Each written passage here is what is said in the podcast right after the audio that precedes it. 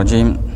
بسم الله الرحمن الرحيم الحمد لله رب العالمين والصلاة والسلام على نبينا محمد وعلى آله وأصحابه أجمعين رب اشرح لي صدري ويسر لي أمري واحلل عقدة من لساني يفقه قولي اللهم علمنا ما ينفعنا وانفعنا بما علمتنا وزدنا علما وعملا وتقا وإخلاصا يا رب العالمين أما بعد ассаламу алейкум рахматуллахи баракату Иншаллах, алла субханала тағаланың қалауымен нәпсін тәрбиелеу тақырыбындағы дәрістерімізді ары қарай жалғастырамыз біз сіздермен құранның әдептерін үйреніп жатырмыз және соңғы дәрісімізде адамның құранды түсініп құраннан пайда алуына жүрегіне құран нұрының құйылуына кедергі болатын тосық болатын нәрселер бар. Сол нәрселерден құтылу керек деген мәселемен тоқталған болатынбыз.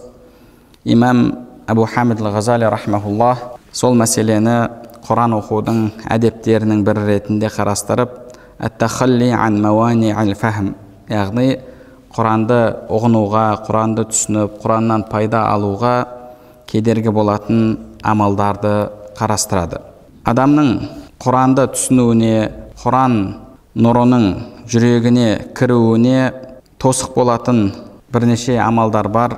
Құранда алла субханала тағала ол жайында айтып кеткен және сондай ақ ғұламаларымыз құранда оның мәселесі тікелей қарастырылмаса да кейде адамға уасуас ретінде кіретін мәселелерді қарастырған имам абу хамид ғазали фахми арбаа дейді адамның құраннан пайда алуына құранды түсінуіне тосық болатын төрт нәрсе бар дейді. Біріншісі бұл адамның құранды дұрыс оқимын әріптерін дұрыс шығарамын деген әрекетте уасуас ауруына түсіп қалуы дейді.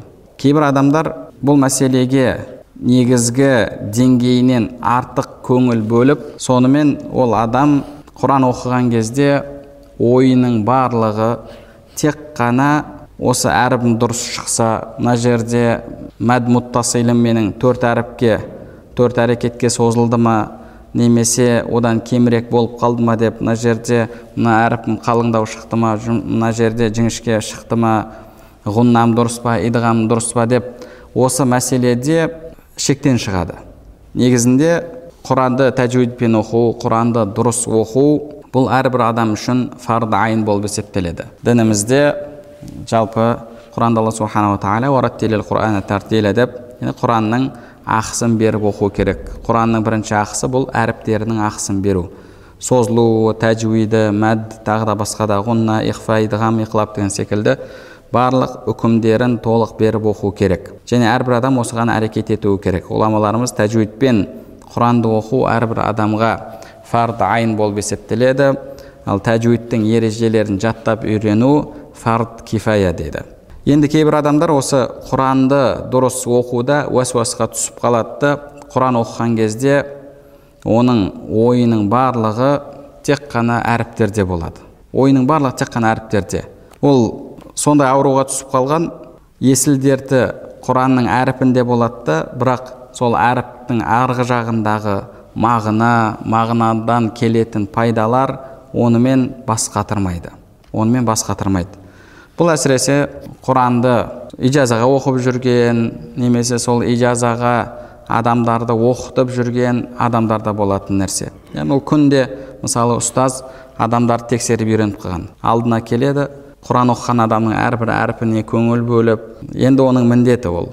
Сөйтіп оның әрпін түзеп отырады. Бірақ ол сол күнделікті атқарып жатқан жұмысын намаздың ішіне көшіріп алады да кейін намазда мысалы имам құран оқып жатса ойы ойының барлығы әлгі ұстаздың мынаның мына жерде әрпі дұрыс шықпады мынаны былай оқу керек еді мына жерін кемірек созып қойды деген секілді.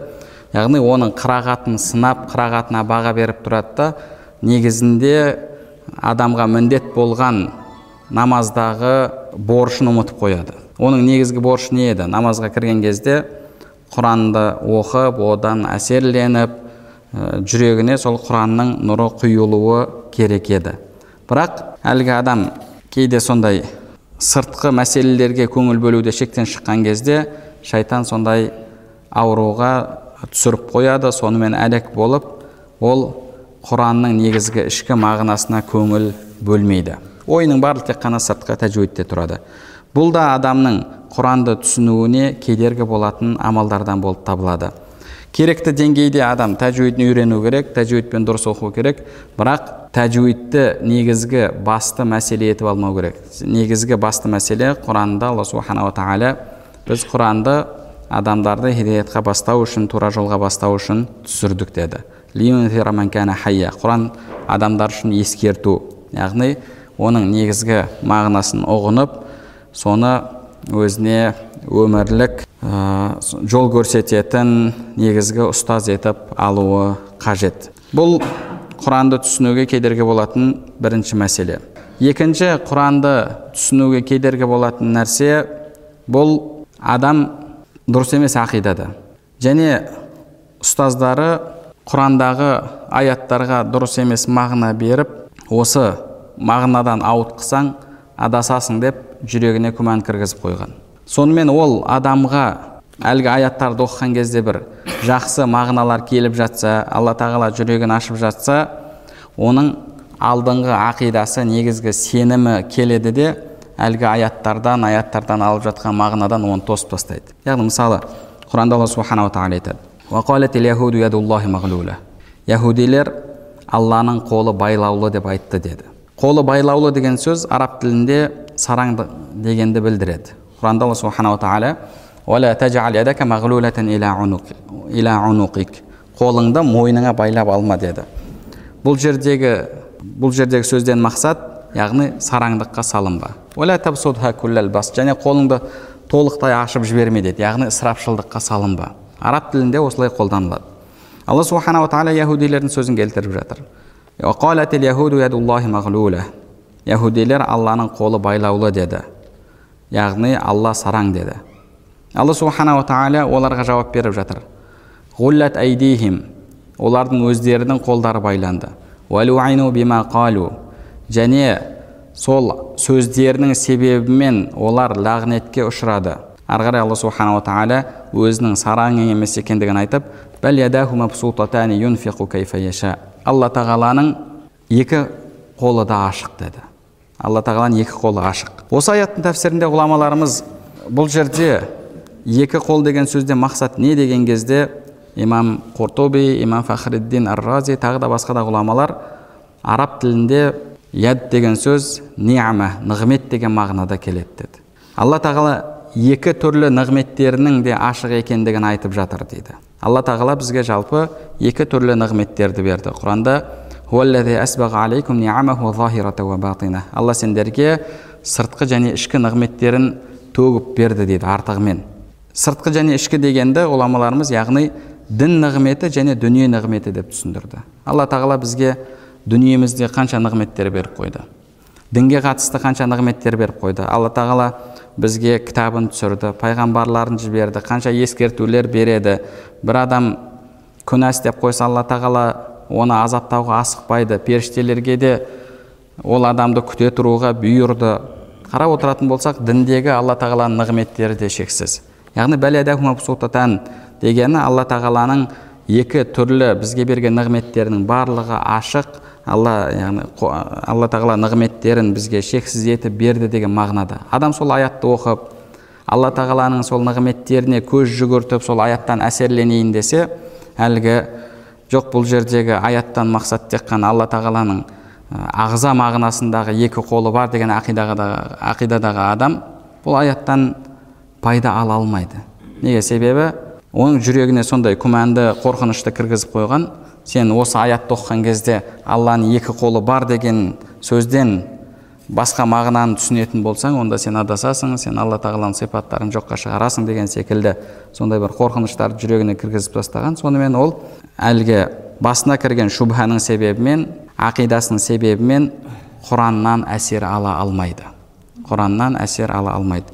Имам әбу хамид ал ғазали рахмаулла соған жақсы мысал келтіреді. Мысал дейді бір адам алла тағала аршының үстінде аршыға орныққан деп есептесе дейді кейін ол алла тағаланың басқа аяттарын оқып жалпы осы аршы басқа мәселелерді құраннан оқыған кезде алла тағаланың еш нәрсеге ұқсамайтындығын алла тағаланың ешқандай жаратылысына мұқтаж емес екендігін алла тағаланың күш құдіретінің шексіз екендігін түсініп жүрегі соған ашыла бастаса оның алдыңғы ақидасы келеді де оның бұл алып жатқан пайдасын тоқтатып тастайды деді. Тоқтатып тастайды.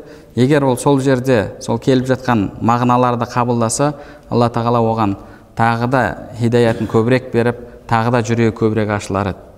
Бірақ оның әлгі бұзық ақидасы құраннан пайда алуына кедергі болады дейді. Сол үшін де үлкен ғалымдар әсіресе соның ішінде сопылық бағыттағы ғалымдар кейбір адамдардың білімі дейді білімі дегенде яғни білім деп ойлап жүрген әлгі күмәндары дұрыс емес пікірлері хижаб адамды ақиқаттан құраннан пайда алудан тосады деген сөзді айтқан деді иннал айлма хижаб деген олардан келетін сөз бар яғни кейбір адамдардың кейбір дұрыс емес білім деп ойлап жүрген нәрселері енді олар білім дегендіктен деп соны білім деп білгендіктен білім деген сөзді қолданған кейбір білімдер адамды ақиқаттан тосады дейді яғни бұл екінші адамның құраннан пайда алуына кедергі болатын нәрсе.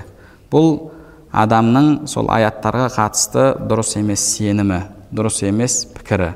Бұл да алланың аяттарынан пайда алуға алланың аяттарының нұрын сезінуге сол нұрдың жүрегіне кіруіне кедергі болады. Үшінші адамның құраннан пайда алуына құранды түсінуіне кедергі болатын тосық болатын нәрсе бұл адамның бойында күнәнің болуы күнделікті күнә істеп жүруі жүрегінде немқұрайлықтың болуы жүрегінде тәкаппарлықтың болуы адамның шахуаттың құлына айналуы бұл да адамды құранды түсінуден тосатын нәрселерден. Құранда алла субханала тағала айтады жер бетінде орынсыз даңдайсып тәкаппарланып жүргендерді мен өзімнің аяттарымнан тосып қоямын деді. Яғни ол аяттарды оқыса да ол аяттарды білсе де одан пайда ала алмайды. Оның сол аяттардың нұры оның жүрегіне кірмейді. Ақиқат нұры хидаят нұры ол адамның жүрегіне кірмейді. Неге себебі? Оның жүрегінде тәкаппарлық бар. Оның жүрегінде менмендік бар. Алла тағала тәкаппарларды өзімнің аяттарымнан тосып қоямын деп жатыр. Және алла субханала тағала сондай ақ немқұрайлықта болған ғафлатта болған адамдарға да қатысты сол аятты біз олардың жүректерін біздің зікірді ұғынудан одан пайда алудан тосып қойған адамдарға бағынба деп пайғамбарымыз саллаллаху алейхи вассаламға алла субханала тағала айтты. Яғни оның жүрегінде ғафлат бар жүрегінде немқұрайлық бар. Сол себепті алла субханала тағала оның жүрегін ақиқатты қабылдаудан оның жүрегін құранның нұрын қабылдаудан құраннан пайда алудан алла субханала тағала тосып қойды.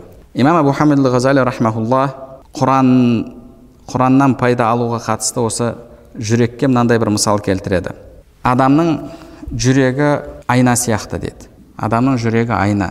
Ал құранның нұры әлгі құранның мағыналары бұл сол күн дейді күн.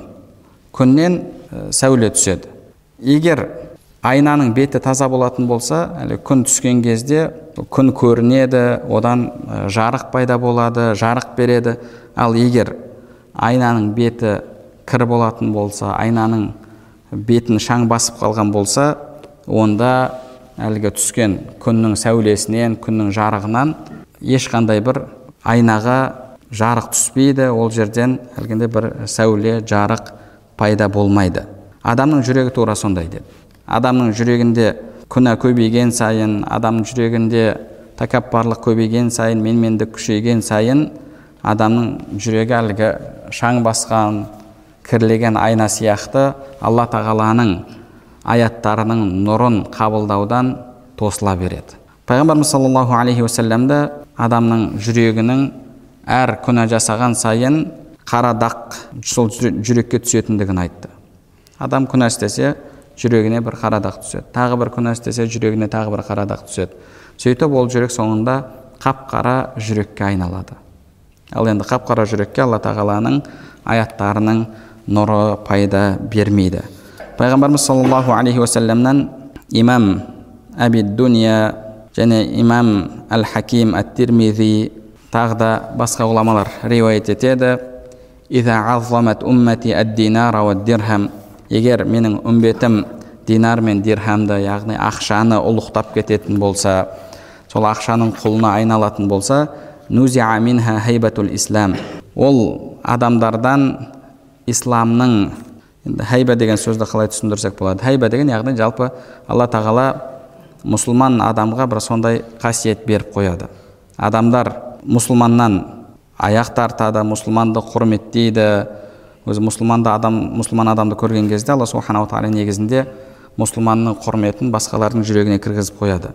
Өзі өзімізде мысалы егер білімді адамды көрсек әсіресе әлі намаз оқымай жүрген кездің өзінде де егер дінге қатысы бар бір адамды көретін болсақ ол адамның алдында сәл есімізді етегімізді жинап оның алдында артық сөз айтпастан ол адамға деген алла тағала бір ерекше құрметті беріп қояды. Мысалы қанша кісілер айтады өздерінің класстастары жайында ішетіндері бар әлі де өкінішке орай ішіп жүргендері бар. Бірақ әлгі досы келген кезде намазхан достары келген кезде олардың алдында солардың құрметі үшін әлгіндей іс әрекеттерге бармайды олардан жасырынады олардың алдында әйтеуір ұялады егер адам дүниені қуып дүниенің дүниені ұлықтап кететін болса алла субханала тағала сол нәрсені сол қасиетті одан алып қояды деді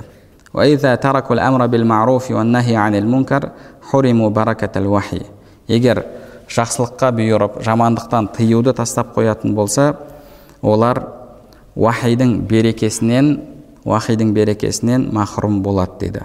Уахидің берекесі дегенде яғни имам фудайл ибн аяд яғни хуриму фахмал құран яғни құранды түсінуден құраннан пайда алудан махрұм болады деген. Адам жақсылыққа бұйырып жамандықты жамандықты тыюдан ұзақ болатын болса ол міндетін тастап қоятын болса оның өзі күнә. Яғни жалпы адам күнәға бейім болған сайын күнәға жақын болған сайын алла субханала тағала ол адамды құранның берекесінен құраннан пайда алудан тосып қояды ол адам құраннан пайда ала алмайды құранда алла субханала тағала وننزل من القرآن ما هو شفاء ورحمة للمؤمنين ولا يزيد الظالمين إلا خسارا біз бұл құранды иман келтіргендер үшін мүминдер үшін шипа және мейірім етіп түсірдік дейді кімде кім шынайы аллаға иман келтірсе оның жүрегінде иманы күшті болатын болса онда ол адамға құран шипа болады ол адамға құран береке болады ол адамға құран мейірім болады алланың мейірімі түседі ол адамға. Бірақ құран залымдардың тек қана зиянын арттырады деді. Залымдардың тек қана зиянын арттырады. Имам қатада ұлы табиин сол үшін айтқан қайсы бір адам құранды оқуға отырса ол адам нұқсан яғни алланың алдындағы дәрежесі артып әлгі алланың мейіріміне бөленіп алладан оның жүрегіне шипа келіп дәрежесі артып тұрады немесе дәрежесі төмендеп зиянға ұшырап тұрады дейді. Зиянға ұшырайтындар кімдер? Алла тағала залымдардың тек қана зиянын арттырады дейді. Ол адам қанша құран оқығанымен залым болса адамдарға зұлымдық жасап жүрсе күнәға белшесінен батып жүрген болса онда құран ол адамның тек қана зиянын арттырады. Құраннан ол адамға ешқандай пайда болмайды. Алла субханала тағала құранда да құран жайында бұл құран алладан қорыққан тәубе еткен адамдар үшін ескерту тура жол деді. Яғни кімге құран тура жол болады? Құранда алла тағала басқа аятта да худаллил муттақин бұл кітап тақуаларға тура жол деді. Яғни адам құранға тақуалықпен келген кезде құранға ынта ықыласымен келген кезде құран ол адам үшін хидаят болады. Егер оның ниеті құраннан хидаят табу болмаса ол адам күнәдан арылмаса онда құран ол адамға хидаят болмайды құран ол адамға хидаят болмайды қанша адамдар бар құранды жаттап алған бірақ құранды жаттап алғанымен жаттап алған деген яғни құранды біледі құранның тәпсірін біледі деген мағынада яғни әріп әріп жаттаған ба жаттамаған ба аллаху әлем бірақ сондай христиан ғалымдары бар христиан ғалымдары бар олардың жазған кітаптарын қарасаңыз бір исламның ғалымы бір муфассир тәпсір ғалымы жазып жатқан сияқты. Солардың әлі күмәнға толы кітаптары бар. Мен қолыма бір екі кітаптар түскен еді. Мысалы айса алейхисалам алланың ұлы ма ұлы емес пе деген бір кітап жазған. Тағы бір кітабы айса алейхисалам ағашқа керілді ме шынайы шынымен де керілді ме керіліп өлтірілді ме немесе құранда келгенде оларға солай елестетілді ме деген тақырып қойғанда ішінде сол құранның аятын қарастырады. Оған қатысты мынандай хадис келеді. Ол хадистің санадында пәленші бар оның шархында пәленші былай деген бұл аяттың тәфсірінде табари мынандай дейді ибн касир мынандай дейді ода мужахидте мынандай риуаят келеді енді ананың ішінде жазып жатқанын көрсеңіз бір исламның ғалымы жазып жатқан сияқты. Құранды құранның тәпсірлерін хадис хадистердің риуаяттарын сәнаттарына дейін жазып жатыр. Бірақ алла субханала тағала оған хидаят берген жоқ. Ол құраннан кемшілік іздеп құрандағы аятты жоққа шығару үшін жазып жатыр ол адам құранды оқыды ізденді тәпсір оқыды бірақ оның ниеті құраннан хидаят табу емес еді сол үшін де құран кімге хидаят болады алла субханала тағала худаллил муттақин тақуалар үшін олар кімдер әлгі ғайыпқа иман келтіреді дінге иман келтірген намаз оқып зекеттерін беріп алла жолында дүниелерінен жұмсап жүрген ақиреттен қорқатын шынайы тақуа құлдар соларға алла тағаланың кітабы тура жол болады. Сол адамдарға алла тағала өзінің хидаятын нұрын береді. Ондай болмаса адам осы фахм яғни құраннан пайда алудан тосатын амалдардың себебімен құраннан ешқандай пайда ала алмайды. Құранда алла субханала тағала тағы да құраннан ақыл иелері пайда ала алады деді. Құраннан ақыл иелері пайда ала алады. Ал енді кімде кім дүниесін ақиретімен айырбастаса осы дүниені абзал көріп ақиретін сатып жіберетін болса дүниесі үшін ақиретін тастайтын болса онда ол адам ақылы иесі емес. Ол уақытша болған пәни болған нәрсе үшін мәңгілік болған нәрсені жәннатты құрбан етіп жатқан адам. Бұл адам ақыл иесі емес. Ақыл иесі болмаса яғни ол адам нәпсісіне еріп күнәға белшесінен батып жүрген болса онда ол адам ақыл иелерінен емес ақыл иелерінен болмаса онда ол адам құраннан пайда ала алмайды. Адамның құранды түсінуіне кедергі болатын тағы бір амал тағы бір нәрсе.